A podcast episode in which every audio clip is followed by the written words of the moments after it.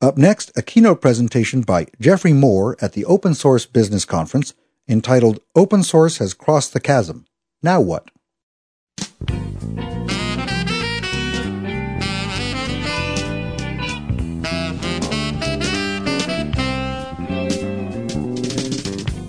Hello, this is Doug Kaye, the executive producer of IT Conversations, and today I'm excited to bring you another session from the 2005 Open Source Business Conference. IT Conversations is underwritten by listener donations.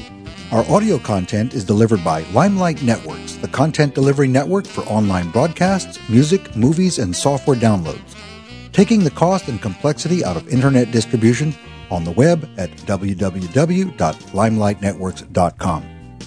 And now, here's our presentation from the Open Source Business Conference.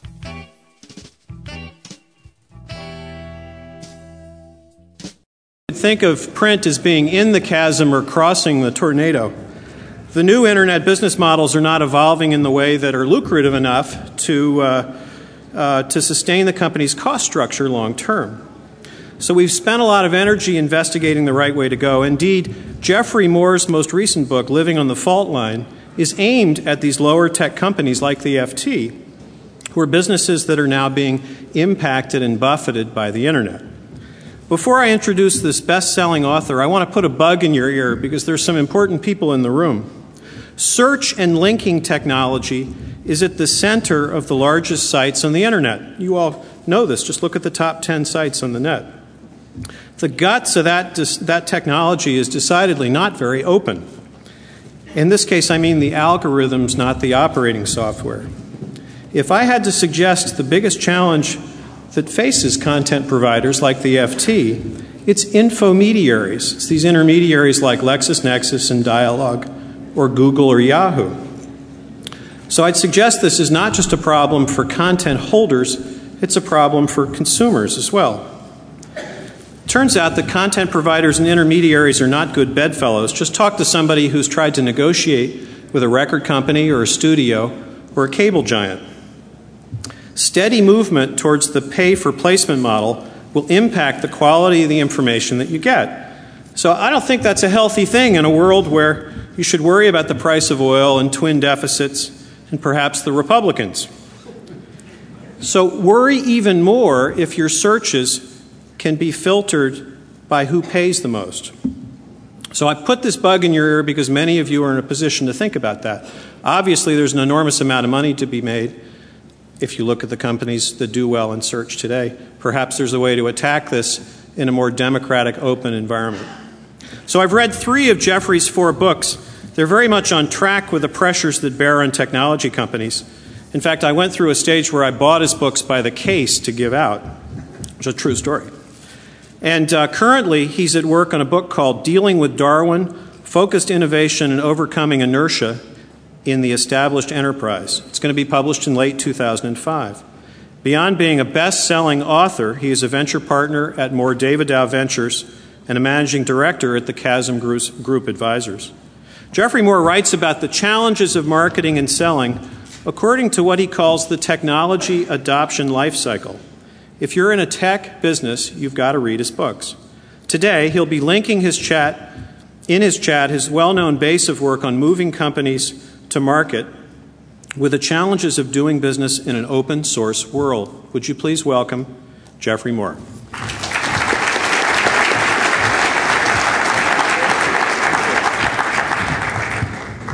I love it. And somebody has put this up.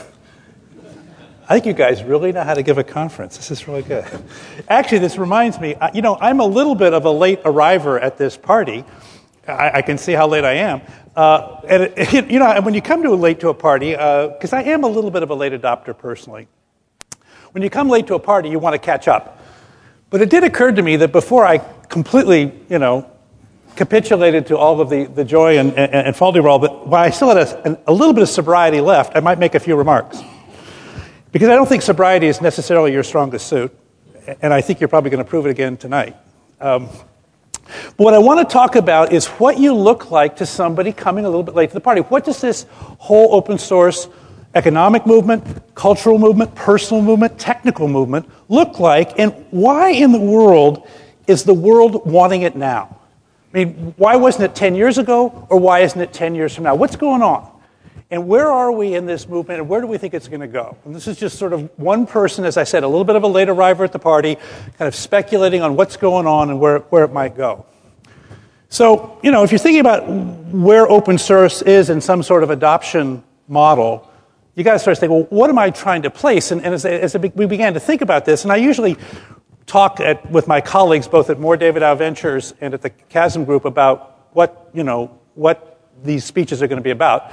Uh, and, and we kind of were noodling about this one you know, we say, well, okay, well, open source, okay, so it is a non proprietary product model. It has a lot of extension into embeddable components. It's got a lot of, you know, integrated systems capability, okay.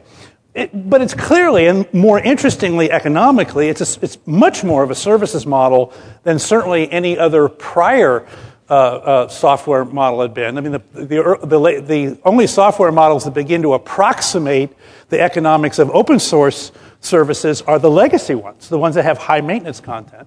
So that's kind of interesting in terms of both the, the, the and, and, by the way, some that's compensated value added services. But then there's this miracle about contributed services, which has got a lot of folks still puzzled as to why that works and why, you know, how reliable is it, whatever. So there's a bunch of that that's part of the adoption issue and still in some people's heads, not in this room, but outside this room. It's also a community. And this is, this is one of the things that's so fascinating to the entire world, not just to the technical world, not just to the IT world. Because this self organizing behavior, in the last 10 years, there's been a lot of intellectual work around self organizing systems and, and, and, a fascination with how they're working. And, this is the open source movement is becoming a kind of an archetype for a whole family of strategies that, that go forward based on voluntary collaboration. And how does that work out in a capitalist economy, which is inherently competitive? And, and so, how, how, how, do those dynamics work? And you say, well, they can't work. And you say, yes, they can, because look, they are working. And so, what's going on there? And I want to uh, have a few, want to share with you some thoughts about that. Um, it's also a behavior. It might be altruistic. It might be ego driven. You know, it might be, it might be, there any number of, uh, somebody was telling me, um, an article which I think you probably all know about, kind of the five major reasons why open source behavior with motives behind it. Um, so one of them is altruism, which is the one that's there. A second one is just sheer anti-Microsoft passion, right? A third is cool hobby, right? What, what could be more fun? A fourth is great personal career development. And a fifth is this is useful for my job. That's kind of the person said that about those five so I, I think that, I just think that whole set of behaviors is pretty interesting because as your customers and as your customers' customers start betting on not just you, not just your product, but on an economic model, they got to get their heads around it in a way that says, okay, so why is this going to stick around? Why is this going to work? And finally, there's this other issue that comes up periodically, which is it's a capitalist tactic. Um, and this is where you begin to worry a little bit about the health of any community if interests which apparently are in conflict with the community can manipulate the community. We certainly saw this hugely in the standards groups movements of the 80s and early 90s, right? Where, where, where it was clear that proprietary interests were manipulating open standards groups to essentially bring them to a stasis. And one of the things that's been amazing about the open source movement is it's been, it's somehow gotten over this thing where it's been able to absorb competitive responses and manipulative responses. And I'm not saying it's been had a perfect record, but it's remarkably resilient. So it's, it's a pretty darn interesting thing. And I think as a person who's just interested in, in social organizations and strategy and power. It's just it's something that, that, that, that we all should be paying attention to going forward. I'm certainly going to be paying a lot of attention to it. Okay, so that all said, I wanted to sort of think about well, how does this play out in terms of the models that I've been spending, my, my colleagues and I have been spending a lot of time with. So this is a model which takes the technology adoption life cycle and embeds it in a larger model, which is simply the whole, the, the entire life cycle of the category. So, so the technology adoption life cycle, uh, you know, this notion that we have early adopters at the very, very beginning, and then this chasm problem where people can't quite figure out if it's going to be real or not. And then this bowling alley idea of, okay, some niche markets will adopt. And then this tornado notion of we're going to get quite wide widespread adoption. And then we go on to Main Street. And all of that we ended up just calling, okay, that's A, right? Then the category keeps going forward. And in fact, one of the most wonderful times to be in a category is in what we call early Main Street. The category is still growing, but the adoption hassles are largely behind. The market share battles are largely sorted out. But the category is growing like a weed. And every company in the category participates in that sort of uplift. It's sort of, you know, rising tide floats all boats kind of situation. It's a terrific time to be a manager or an executive or a CEO. Because you just get to take complete credit for something that you have basically nothing to do with, right? On my watch, we took this company from 500 to 5,000, blah, blah, blah, blah, blah. Yes, yes, you did. Yes, you did. Very good. You're, you're a very lucky person. Just count your blessings, right? It works. Then you hit this place called mature Main Street. We, we've taken to referring this to the indefinitely elastic middle. This is a little bit in celebration of middle aged physiques, but it's, but it's more in celebration of the notion that this thing can last a long time. I mean, think about the automobile industry. It's, it's, we're in our eighth decade of the indefinitely elastic middle of the car, combustion engine, right? For Netscape, it lasted about a week, right? so it's just sort of like, you know, this way, right? Right? And the reason why, if it doesn't last, what's happening when you go over into D, which is declining, what that means is something over in A has, has gotten into the tornado, and it's beginning to make it clear to everybody that we are marginalizing D. So, right now, the acceptance, one of the reasons you know that Linux is well out of the chasm is that Solaris is being marginalized. Okay? Solaris is feeling the pressure, not from NT. Solaris actually successfully fought off NT, but the combination of NT plus Linux is really really put it in, and, and HPUX and AIX, you know, proprietary Unix, okay, going forward. So, and, and being a manager of a, of, a, of a technology in the D part of this life cycle is a real challenge. Okay? Because you got to renew, you got to find some way to renew your way out. So, I, Jonathan Schwartz was here either today or yesterday, I think. So th- that, that's Jonathan's problem. But Jonathan doesn't have Antonio Perez's problem. Antonio runs Kodak. Okay? He's, he's, his Kodak moment has arrived, and basically, digital photography has now knocked him off the island, right? So he's, he's been voted off the island. He's trying, and by the way, he's pushing his way back on, and the way you do that is you just get back in the game. So EasyShare, Kodak, O photos, whatever it takes, just get in the game, okay? No nostalgia, no denial, no arrogance, just get in the game, right? And he's doing that. Uh, he's doing that. It's very good. So if you, we were looking at this model, and, I spent a lot of time with this model. Let's be honest, I've milked the hell out of this model for 15 years. but, but, okay, okay. But, but having said that, uh, and I'm glad you appreciate it because my wife does too. Uh, so I'm thinking, where are we going to put these things on the model? And I'm thinking, okay, Jeff, you're going to be standing in front of, I don't know, what do we got here, 500 people, 300 people, 400 people, what it is, and you're going to tell them where these things go? This is not obeying the wisdom of crowds. So here's what I want to do. I'm going to move each one of these through the magic of PowerPoint. I'm going to move each one of these numbers to a place in the life cycle. And I want you to either say yes or no. Okay? And if, it's, if I'm wrong, I want you to tell me which way to go. So I'll start with Linux Server OS. So Linux Server OS, we're arguing, is going from the bowling alley into the tornado. Too optimistic? Too pessimistic? About right. About right? Okay? Pessimist? How many people say pessimistic? Okay. How many people say optimistic? Yeah, but you're all you're all optimists. I mean, what am I? okay, so so so you would say you, you would think maybe Linux is already uh, past the tornado, moving on to Main Street, or in the tornado?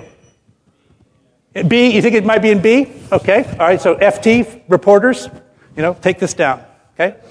Move it to the right. Linux Client OS. Don't think it's gotten to the chasm yet. True? Okay, early market? Okay, okay, all right. International market, maybe crossing the chasm?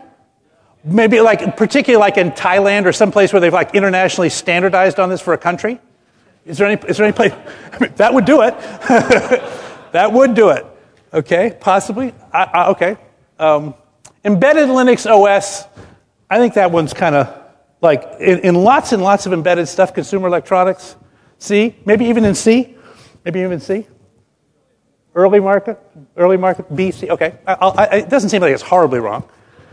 Firefox, I think, is in the chasm. You say, well, how is that possible? It's the hottest thing in play. But it's hot with all the early adopters, and I don't think it's crossed the chasm. Yes? No? Yes. Okay? By the way, getting to the chasm is progress. It really is. You know, people are into like chasm denial, but the truth of the matter is, getting to the chasm means you have achieved a constituency in the early market that worked, but now the problem is you've got to make a transition, and what appealed to that first group of people will not be what appeals to the people on the other side of the chasm. And one of the hardest things as an entrepreneur, the reason why crossing the chasm is hard is because there's a whole part of you that doesn't want to go, because it's so much more fun on this side. And so you just say, I'm just going to reinvent myself forever on this side of the chasm, which is an okay outcome unless you're a venture capitalist. That, then it would be bad. Okay. okay. MySQL.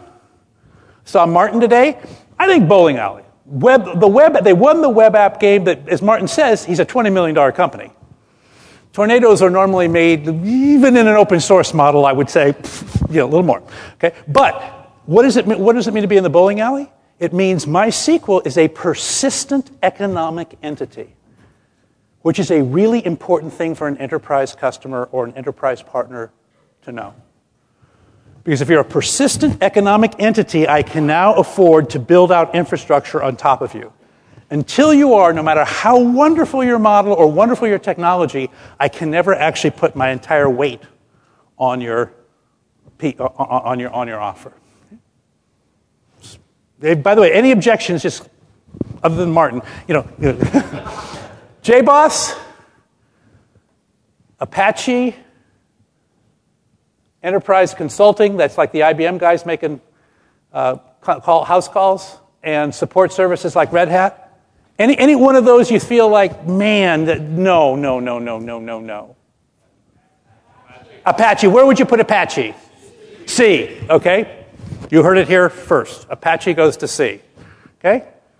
All right. God bless you. Thank you. For, This is the wisdom of crowds that are a little bit tired at the end of the day. But, you know, eh, pretty good. Okay. Well, so, so, so the, the, the thing, if you look at this thing, I can move the red dots around a little bit, except I can't because I'm in show mode.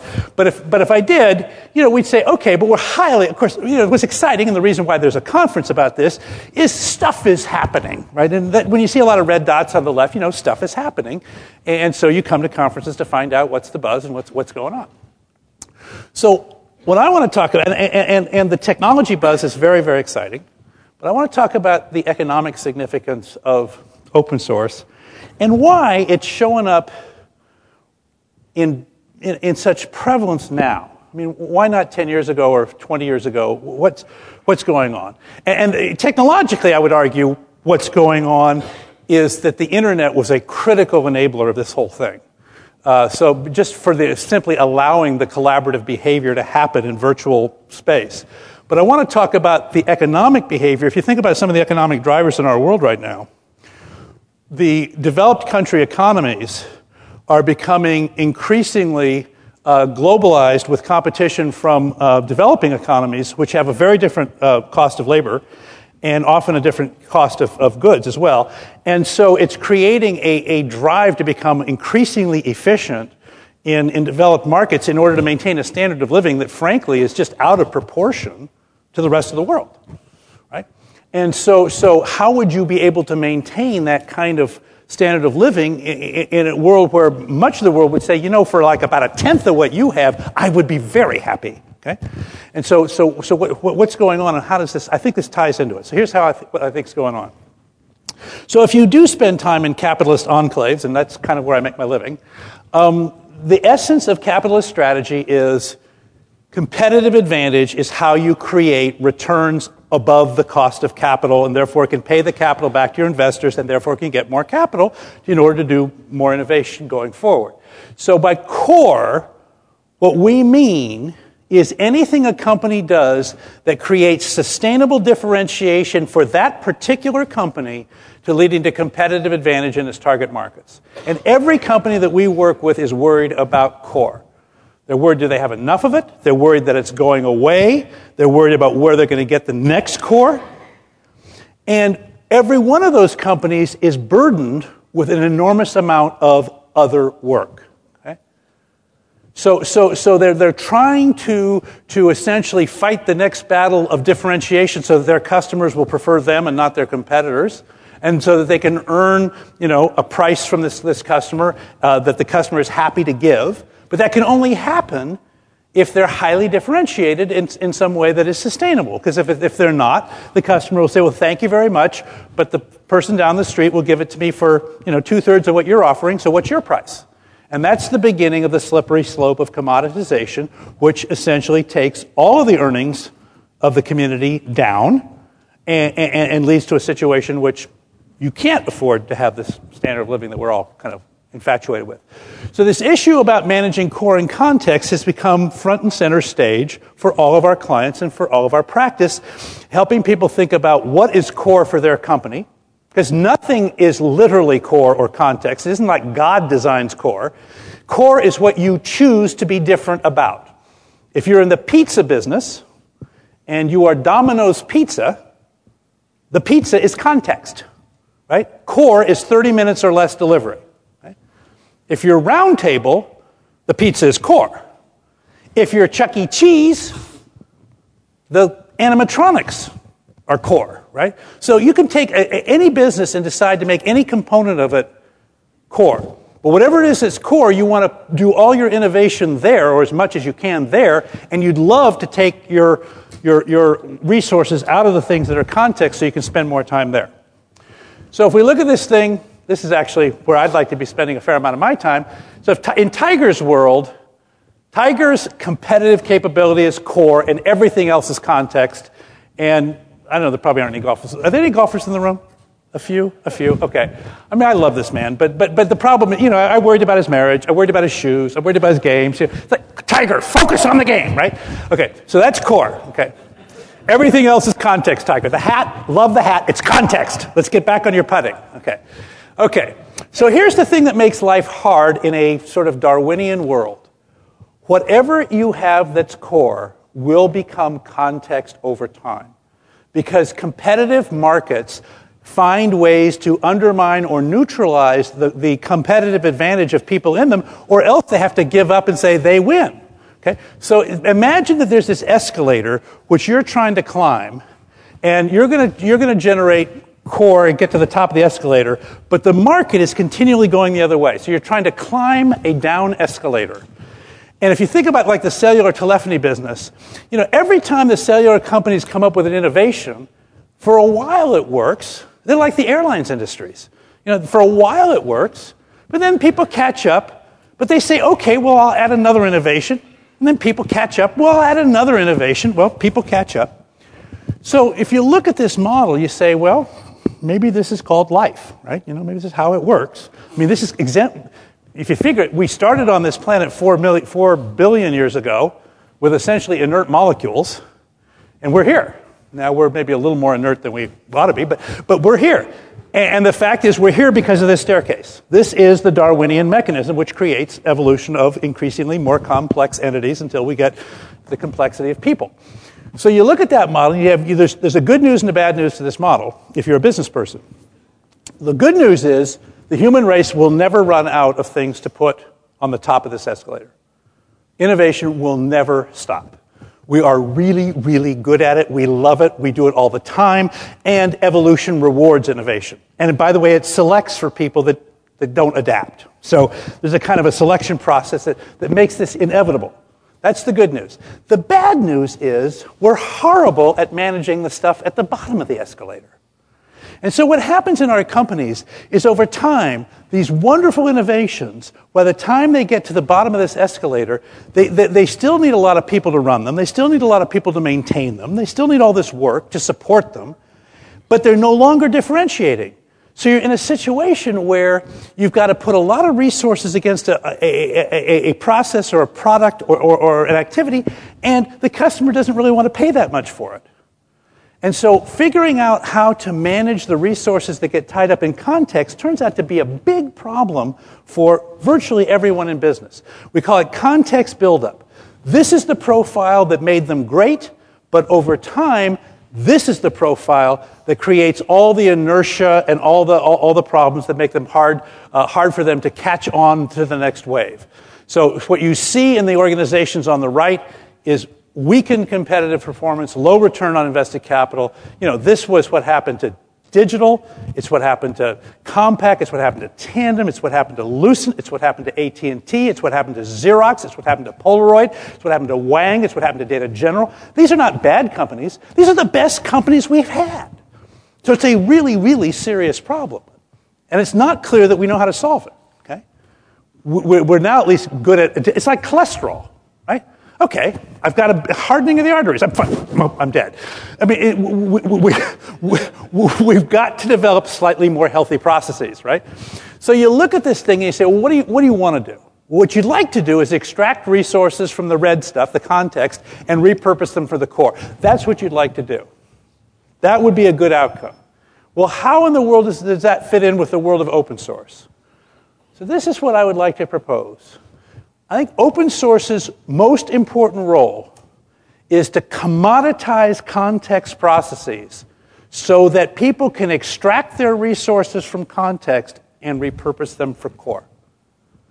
So, my wish for this community is that it would find all the commonalities in the world, in the technical world, computing world, and say, great, let's build them in a collaborative way. If we build them collaboratively, instead of having 50,000 companies doing the same thing over and over and over again, we can do it at a fraction of that resource, and we can share it, right?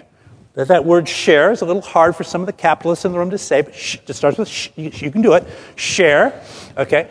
And the point about it is, it is it's actually good for capitalism because you're not going to be spending resources doing stuff that doesn't differentiate, okay? So you look at this thing, it actually requires us to. The weird thing about context is you want less differentiation, not more. You think, well, that can't be right. Innovation's good, differentiation's good. Well, how many different sides of the road do we want to drive on? You know, it's like maybe just one, right? How, how many different numbers do we want on a telephone? How about 10, right? What if I have nine? Would that be okay? How about 11? You know? No, 10 would be good, okay? So, so the point about these things is 11 might be good for something, like if I have a special keypad for God knows what, you know, if I'm doing FedEx work or post office work, but not for the stuff that everybody does. That's the stuff we want, we want to try to standard. Reduce risk, lower costs. Now, here's the key part. If you're really going to be in service to the world, you want to make these available with an abstraction layer so that people who are now trying to do the weird stuff, the, co- the core stuff, the stuff that other people don't do, they can reach easily into this infrastructure and pull out what they want. So this is the kind of the dream of services-oriented architecture. We've been talking about this forever. What's exciting is that as network speeds begin to approximate or even pass bus speeds, this is now real.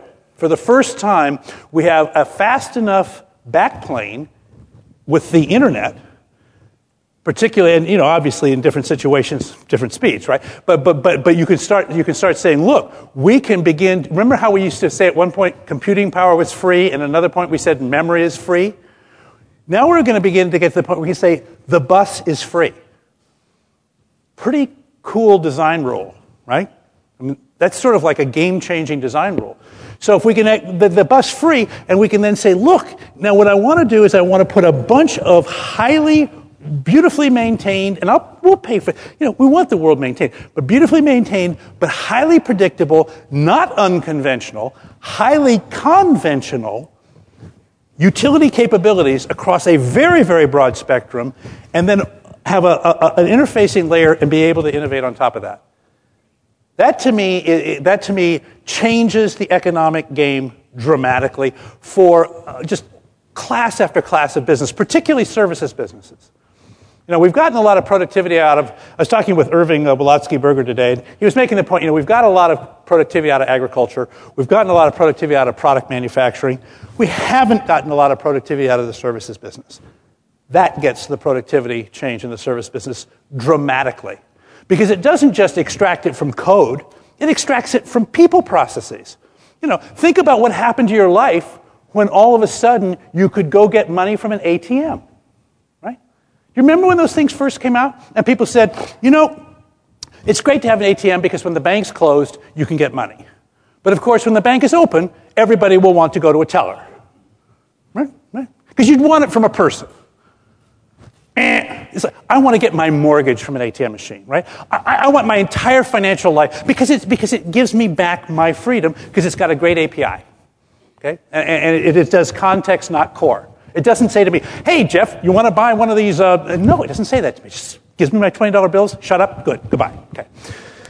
So, so, so if you look at the, t- compare that to the technology world that we've been living in all of our adult lives, and think about how much contextual sort of tripping up technology. You forgot to put a comma in a C statement and you brought down, you know, the Washington Monument, you know, that kind of problem. And all of a sudden we're saying, look, we can play this game at a, at a different level. That's why I think the world is so excited about open source right now. They're beginning to see, wow, this can really be responsible and work, and it can take a huge amount of context off our plate. Now, great idea. Um, big problem about risk. Because when you look at the enterprise in particular, and particularly if you look at capitalist enterprises, but also governmental enterprises, they have enormous liability for, for failure uh, uh, on certain categories of risk. There's some folks walking around with like orange jumpsuits right now that can kind of speak to this issue. So, how in the world can I entrust a mission critical process to this open source issue? The challenge of, open, uh, of mission critical context.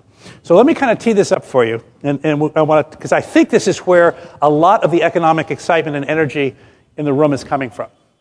So, if we talk about core and context, and we say, look, the key to core is that's where you're getting all your economic rewards. It's differentiation that wins customers at a, at a, at a good profit margin. That's how you get the returns on capital. Context is everything else. That's fine. But now let's talk about this mission critical factor. So mission critical processes are ones that if there's a shortfall, it creates a very negative consequence. So there's a differentiation gradient across the top of this model, and there's a risk gradient on the side low to high, low to high. Okay? It turns out in this model, the problem quadrant is the upper right hand quadrant. High risk, no differentiation. Because since I am liable for outcomes, I have to apply a lot of resource against this quadrant, but I can't get the margins to pay for it because it's not differentiated. This is why the airline business is such a horrible business to be in. Okay? High risk, no differentiation. It's a horrible business, right? Warren Buffett has said if there was a capitalist alive at Kitty Hawk, they would have shot Wilbur Wright, you know, because it, it, the airline industry, and I don't know if this is absolutely true, but the, the line in, in the investment community is the airline industry over any five year period has never returned its cost of capital in the history of the, of the industry. I'm sure that, you know, like all bold statements that may or may not be true, but it certainly is it certainly is generally the case with that industry. It's a horrible industry to be in. Well, we all have this problem. We all have this problem. We have tons and tons of resources tied up in, in processes that we're responsible for. We have, it's, it's, it's our last generation product, it's two generation products away, it's a, it's a service, whatever it is. Uh, it's security, you know, it, it, it, it's, our, it's our EEO compliance, it's our Sarbanes Oxley, okay? I mean, think about all the regulatory issues that are imposed upon us. They're all in that upper right hand quadrant. So if you look at that quadrant, you say, how can we extract risk from that quadrant? The idea of this model is if you could de risk the, the, the, those processes, you can find increasingly lower cost ways to manage them. So we've developed, working with our clients, we developed a model we call the five levers of how do you manage mission critical context. And if you work in a company, this is the only diagram I would copy down and take home with you because this actually, and I think you actually know this, but in case you just want to have it as a checklist, I think it would be good. So the first thing you do when you have a mission critical context process is you centralize it. If it's in seven places in your company, put it under one person. Put it under one person because if it's in seven places, you will have seven strands of innovation going in seven different directions. You do not want to innovate on mission critical context. You want to stop or slow down innovation. And by bringing it under one person, particularly one person with a slightly neo fascist personality, you can begin to stop it. Okay? And those of you who have ever worked in a company with an IT organization know the person I'm speaking of. Okay? Because the idea, and by the way, that's because it's mission critical context, right? You want to bring it together and kind of begin the Nancy Reagan just say no kind of uh, culture around this stuff. After you centralize it, you standardize it. So, first of all, you try to go from seven instances to four instances to two instances to one instance. And then going forward, you're trying to say, look, we now have one image, one instance, one whatever, or two, the minimum you can get to, to maintain. So the chance that we will screw it up has now been reduced from seven chances to two chances, or seven chances to one chance. Reduce variability of processes, deliver to, to, go forward. This, so far, this is just literally just a shared services model. This is what happens in most large corporations when they put the, you know, whatever, the document control function under, you know, Harry, or the, you know, the Sarbanes-Oxley project under Larry, or the, you know, the, the, the whatever it is under Sherry. The next one is actually the really interesting one. And that's to modularize it. If you're going to go any further with extracting resources from this process, you have to essentially re engineer it, which means you've got to take it, you've got to actually impose engineering thought processes on the process and figure out what are its component modules and what are those component modules. Because different ones of those modules you can manage in different ways. Some of them you can eliminate, some of them you can automate, some of them you can outsource. If you get enough of this system characterized well enough and with enough control systems and algorithms around it, you can feel comfortable shipping the entire thing off to another company. That's a wonderful gift to give to your corporation because that gets a whole class of work out of the system so that we can focus time and talent and attention on the stuff on the left hand side of this diagram. Now, when you look at that formula and you look at the open source community, you start saying, well, hang on.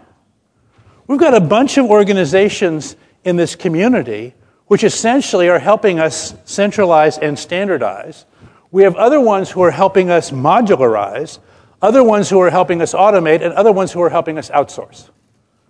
And if you look at the open systems model and you look at the, what I think you should think about your, as you look at your business models, I'd like you to think about them as a context extraction vehicle from your customer's world. I want to take mission critical context, because understand this about this. You know, for, for 30 years in the tech industry, all of us who sold tech products said, I want to be core to our customers. I want to be part of your competitive advantage. Buy my product and you will, you know, win happiness and, you know, fame and fortune. It was a lie. It didn't work. Maybe the first person who bought it got a head start as the early adopter, but as soon as they crossed the chasm, we sold it to every one of their competitors right? Because we're in a, well, for two reasons. We're in a product business and we have no integrity. So, you know, so, so that promise was always, was always a bogus promise. But what I've now realized, it was the wrong promise. The correct promise is whatever is core to your business, don't tell a word, don't tell a soul about it. And certainly don't tell me, because I'm a vendor, right? Whatever I learn, I sell to everybody. Let's you and I work on all of your context stuff. Let's vacuum it out of your company and get it into my products or my services so that you can then take the, the, the, the free resource and play it against whatever your magic is. And you keep the magic inside. And we'll continually to build this, this world where more and more of the world is actually under my management because core as a percentage of context is usually very, very thin. Most of the world is context, only a little bit is core. It's like truffles, you know, a little bit of truffles can flavor an entire risotto, right? So, same, we can, we can, there's a ton of work to do under this model.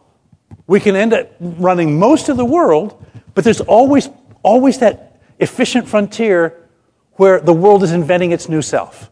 And that's the part we don't want to get in the way of. We want to let the world invent its new self. We just want to, we want to kind of get the other stuff out of the way, clear the decks for that, so, so that they can go forward and do that. Now, I don't know why I said what about Microsoft, but I just, I, I accept, I, I know why I said this. I said, okay, this is a great idea. and it's working really well. But there's something about the open source community when you think about the capitalist community, you think, why? Why?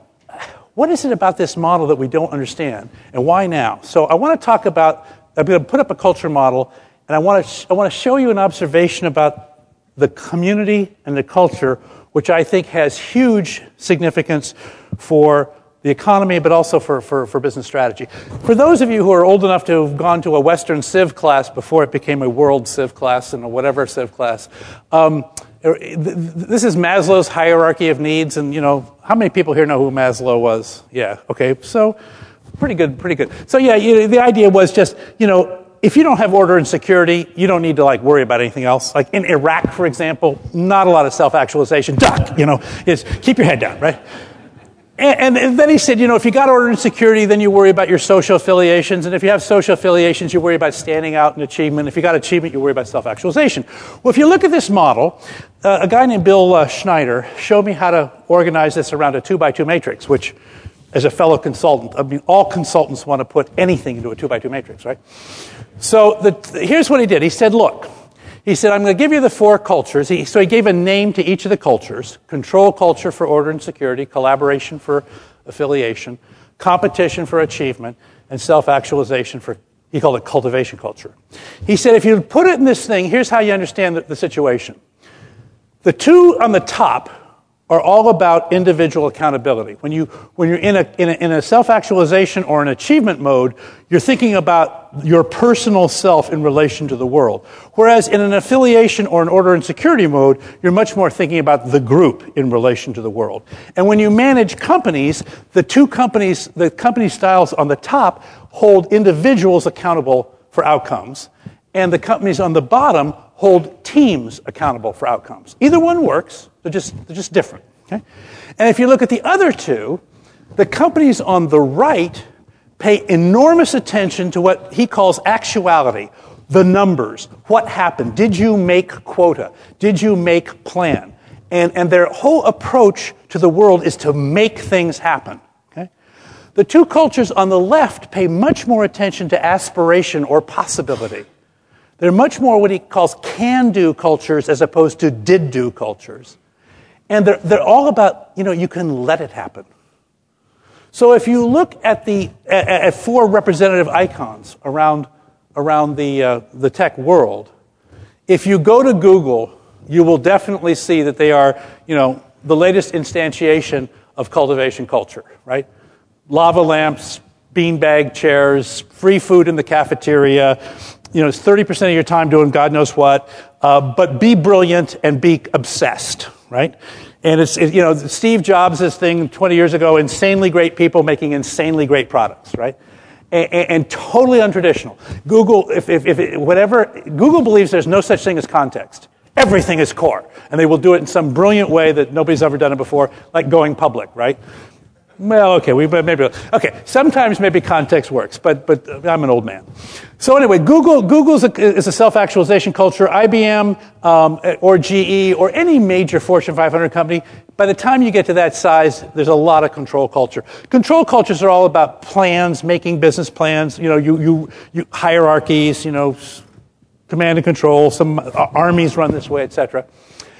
The interesting diagonal is the other diagonal which is if you look at Microsoft, Microsoft is maybe the archetypal competition culture. It is all about give me my objective, give me my resources, and get the hell out of my way. Okay? And I will just charge through, you know, whatever to get it done. By the way, it's not just Microsoft. It's most of Silicon Valley, right? It's Cisco, it's Oracle, it's Sun, you know, it's Intel. This is the culture that was driving the tech community for the last 20 years. What is so weird is it isn't anymore. What's weird is the power is gone to the lower left. Now, how much of that power, it's still too early to call. But, but if you look at this situation, the, the, the, the company that gives Microsoft fits isn't Google and it isn't IBM. Because they can fight a company. How would you fight open source? Right? What do you think this whole thing about, about um, um, liability and, and uh, uh, uh, indemnifications about? You know, Red Hat doesn't indemnify somebody. You know what would happen if Red Hat did indemnify somebody? Microsoft would have a target, right? All Microsoft would want, all any competition culture wants is a competitor. But if there aren't any competitors, what do you do? How do you play tennis when nobody hits it back over the net, right? This is very frustrating, right?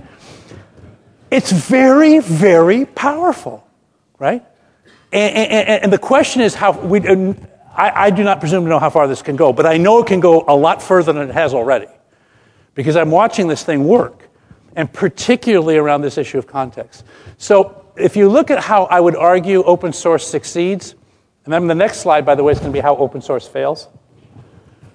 I think it succeeds in its success mode. It, it plays the game as a community. It is a collaboration culture. We're holding ourselves accountable as a community, and we are holding ourselves accountable to possibilities as opposed to actualities. So we, there is a kind of a, a, an aspirational quality to this, to this community. Drives competition culture nuts because they can't find the enemy, right? It is a collaborative. That means you give before you receive fundamental economics of a collaboration culture. You give before you receive. Okay, it's kind of an act of trust. By the way, most, if you look at all the prisoner dilemma games, they all work this way. All prisoner dilemma games are won if in your first move you do the most altruistic thing possible, and then every other move you do what your competitor, your, the other player, did last time. Okay? And that turns out to be the winning strategy in a, in a whole class of prisoner dilemma games. Give before you receive, and be in service to a greater good. This isn't, you know, uh, this isn't a Sunday school sermon. This is an economic strategy.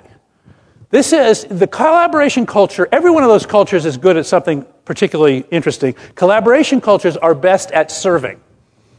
They're best at putting themselves in service classically to customers, but they have to be in service to something. And, and collaboration cultures go sour when they become self serving. Okay? They become very, they become very uh, um, sort of clubby. You know, they, they, they, they, they, they kind of lose their, their, their, their, their, uh, their aspirational thing. They become very self indulgent. Um, they, they, they, become, when they get cranky, they become kind of passive aggressive with each other. I mean, they, it, can get, it can go sour. But in its best mode, it, it, it, it's, it's, it's in service and as a cooperative, meaning cooperatives are economic entities. You, you have to be disciplined in the use of your scarce resources. Okay? And you want to seek alignment with patients. This is, it's so hard. I mean, the thing that drives you crazy in a collaboration culture is this notion that everybody has a veto. And, and you've got to be kind of careful and disciplined about how you manage that because if it literally is true, you're, you're never going to get anywhere. So you have to have sort of a, a winnowed way of, of saying in our first round, everybody gets heard, and then we have some ways of bringing it together and bringing it together. And with patience, you get to an outcome. As they're trying to get to an outcome around a solution into to Iraq's you know, uh, political structure, uh, as we try to solve these problems around Social Security or whatever in our country, it just it takes forever. But you have to be patient in a collaborative model. Okay? And, and, and when you run out of time, the collaboration culture tends to break. Ha- in fact, in a crisis, you have to abandon collaboration in the short term. And the question is which way you go. Now, if you look at how open source could fail, I think there's two modes. You're either going to go to the right to a control culture failure, or you're going to go up to, you're never going to become a competition culture. That's not going to happen. But you can either go up or to the side. If you go to the right, you can slip into control culture. We've, we've been to this movie before, right? This is the bureaucracy of standards organizations. This is when we major in minors. This is when we get co opted by vested interests, okay? Now, we, shame on us, the collective us in this room, if, if we let this happen. Because this is, we, have seen this movie so many times, those of us who were, who were around in the 80s and early 90s in particular, that we know, we first of all, we know how the movie ends, okay? Uh, just in this tedious loop, over and over. It actually doesn't end. It just keeps looping and looping and looping. Um, but, but, but, but we don't. What I like about the open source movement today, and which I think, you, which I think is, is ingrained so deeply it won't happen, it's entrepreneurial. It's a collaborative exercise that's entrepreneurial because it's self organizing, not hierarchically organized, which is the way in which this thing tends to get. So just be careful, though, because, because we, we are going to want to codify standards. We're going to need uh, some of this, but just be careful with it because this is, this is the thing that got us of last time, if you will. The other thing that can happen is you can go north. And you can slip into cultivation culture, and you can get into the role of ego inflation and demagoguery and the tyranny of political correctness and co opted by the media. Uh, you know, there was a bunch of this in the middle of the dot com. But we used to call this technology religion at one point, you know, where we just become so righteous you know, and I'm more open source than you're open source, and you know, I'm, you, I'm Methodist Protestant open source, but we don't. You know, and it's, it's like. it's, it's like it's just bullshit, right? So, so, so, so call bullshit on it early and kind of get it off the table because this is such a powerful thing that we're involved with right here. It's so powerful uh, going forward. So, just some final thoughts, and then uh, I think I'm all that stands between us and a pretty good dinner and maybe some of these, actually, a bottle of Humano too. Okay? Um, first thought uh, the good news about if you do buy into this argument that the function of open source is to essentially vacuum mission critical context off the table, um, there's, you have lifetime employment. There is no end to mission critical context. All core ends up here eventually. So just continually, if all you did was just continually went back and took the next wave, you know, it, it, it's, it's, it's, it's, a, it's a forever job. Um, it, it, it, it focused the, the talent, the thing that keeps you on track, the thing that I would argue when you're trying to figure out what should I do next is apply the five levers to whatever context processes are in your business model and, and putting yourself in service to the customer, not yourself. Think about, you know, you, you're, you're, you're the housemaid. I mean, I realize they're not very glamorous professions, but you're the, you are the housemaid of their house. You're vacuuming their stuff out so they can do their stuff. Use the five levers. Align with services oriented architecture. That's why it's happening now. Services, modularized technology architectures linked with a very fast backplane is what is allowing this to happen for the first time now. Because not only can we collaborate more easily, we can deploy more easily the whole downloading metaphor, all, these kinds of capabilities, the ability to, to, to have you know, well-defined abstraction layers so that we can interact with each other, and core developers who are doing the stuff that they don't want in the open domain can interface to us easily.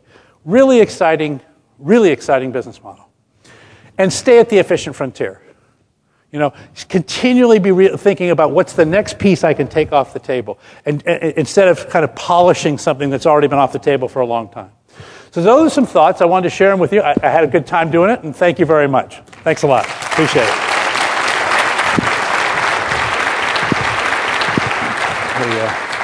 Please, go ahead. I'm seeing a similarity between Clayton Christensen's work and your talk about the escalator. That Clay Christensen talks about that, that companies get trapped up market. And uh, my question is, I guess, is there a bar across the escalator so that you can't go up and you're just going down. So, okay, so the question was the question was is there a parallel in this model to Clay? So when you look at Clay Christensen's work in the does that apply to Microsoft? And does it apply to Microsoft? Okay, whoa, okay. So so I'm actually not sure that the parallel between the model uh, work. So Clay's got an extremely interesting model where he says that once you get a, a, leg, a, an established position in a marketplace, you you have a bunch of customers who are continually forcing you to improve and, and, and add more value to your product, which drives it up market this way. And, and eventually, you, you price yourself out of the market, or, or a disruptive technology comes down in here, and it can start eating your lunch, kind of, kind of going up this way. If all you do is add core and you don't take away context, the total cost of the system becomes unsustainable. So now maybe I can tie it back to Microsoft. So the problem that Microsoft has is it can't take stuff out of Word, right? And, and, and, and you would want it to, right? You'd want to actually, okay, Bill, listen up. You'd want to take 80% of Word and put it in open source, maybe 90%. And the reason why you'd want to do that is two things. First of all, you'd give a bunch of people in the world word processing, but you, you, by the way, you wouldn't have to maintain it anymore, right? So, so that's, that's the good news. And the, the ratio now of the differentiating co- content to the total content now allows a pricing model. That's what's so exciting about the open source model, right? Because although, although the total prices are lower, Uh, the, the, the, the, percentage of content that's, that's differentiated is a higher percentage of the total content, so I've got good margins. I don't have to maintain all this stuff. I mean, think about it. Windows is like 24 million lines of code. I don't know how many lines of code that thing is. 30 million lines of code? 30 million lines of code maintained by one company, right? as opposed to open source. And I don't know if there's 30 million lines of code in, in the total open source world, but it's maintained by how many people? I don't know. How many people are there in the open source community? Is there, is there a million? Millions. Mil- six million? Okay, whatever it is. So, so I mean, just that, that, that's, the, that's the outcome you'd, you'd like to get to. The proprietary model, at, at, maybe this is the point. At some point, the proprietary model gets to a choke point. And, and, and I would argue that the, the Microsoft's interest, and by the way, I think, I got to say, I might be in a minority in this room, but I think very highly of this company. I, I think it's been done an amazing number of things, particularly in this ability just to execute at scale. It's been, it's been extraordinary at that, and fast follower, it's been extraordinary at that. But it's got this problem now where it is. It's too big and it's, it's, it's, it's overly reliant on these two products, e- e- either one of which, you know, kind of start kind of walking around like, like this, you know, kind of hard. Okay, other questions? Sorry. Yeah, uh, hold on. Yes. If all you say is true, does it mean that open source cannot uh, innovate? No, yeah, good question. So if, if what I said is true, does it mean open source can't innovate? No. And, and so let me um, be careful about this. What I want open source to do is target context in innovative ways. And, and, what I expect you to do, if, if there's two or three companies who are targeting the same context, do it differently. So you'll differentiate. You, one of the things you can say is, my context could be your core. If you specialize in this feature, you will do it ways that I won't think to do it in. I'm happy to give it to you because it's not where I'm differentiating. So take my context. You say, well, I deserve your context because I've innovated in some interesting way to do it right, as opposed to maybe somebody next to me. Then that forces that other person to either do it better than you or maybe get into some other business. I mean, there's a way in which that, that, that works out rather nicely. But I don't want to give the impl- impression that you're not supposed to innovate. So I apologize for that. Yes?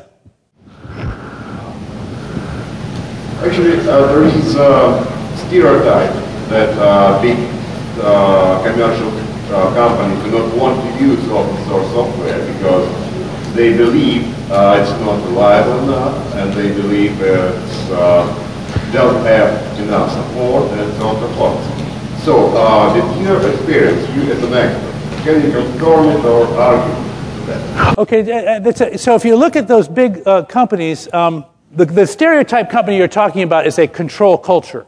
And what, they're sh- what they don't understand is if I can't see a large organization with a highly disciplined, highly assigned workforce doing these things, how in the world can I rely on its integrity? And I would say that arguably that initially you have no answer to that person except the existence proof now that HP and IBM both do this significantly. And so I think as more and more companies in the right hand, lower right hand quadrant adopt this strategy, and you know how they're going to adopt it, you know, a little bit like this, you know, a little faking, and but then, but you know, pretty soon the economics get kind of interesting, and then all of a sudden they're in, you know, and then they've got to get way in. And so I think, I think companies like IBM in particular, gave an enormous amount of credibility to the community when they stepped in. When Dell stepped in, when, when various companies stepped in and made a Dell was a big change in the, in the, in the fate of Red Hat. When, when Dell got up on stage and announced, we're going to support this thing. I think it got, it got that thing off. So I, I, I do think that it takes some time for a control culture to get comfortable with a collaboration culture, because it just thinks, Where's the whip? you know, uh, you're supposed to whip the slaves. Uh, and, and, well, we don't have whips, uh, but, but we actually do, you know, do deliver on time. Yes? From an applications perspective, how would you contrast open source's ability to serve uh, context versus an alternative model like an on-demand? Well, so, so on demand, so I had a great, you know, I said, I was having this great conversation with Irving. I actually think that Irving's perception, IBM's perception of on demand, is another way of managing context, right? It's managing it more as a service than as a product. And, and, so, and so I think to the degree that you go, I want to manage context with a product, I think that's more, the more classic open source model. And then I think the, the, the, the service providers are saying, well, but either you, either at minimum you're going to want the service of me maintaining that product, but the other alternative is no, no, no, just outsource it. BPO it, you know, get it, you know, get, get it off your plate. In either case, the value proposition is the same. Let me take this out of your environment so you can spend more time on the stuff that, that, that, that makes you unique. All right, people, there's some serious restaurants in this town, if you don't know it. Please go out and eat and enjoy each other. I'll be around here if you want to chat a little bit more. Thank you very much.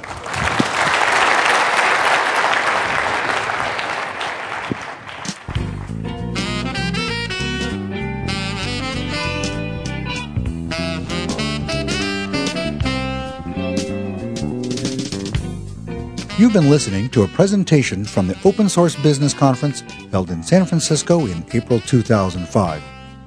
Our audio content is delivered by Limelight Networks, the content delivery network for online broadcasts, music, movies, and software downloads, taking the cost and complexity out of internet distribution. On the web at www.limelightnetworks.com. IT Conversations is listener supported. So please contribute to our tip jar. 100% of your donations goes to our team of volunteers who produce these programs for you in their spare time. Post production audio by Bruce Sharpe. The website producer for this program was Jim Alateris. My name is Doug Kaye, and I hope you'll join me next time for another edition of IT Conversations.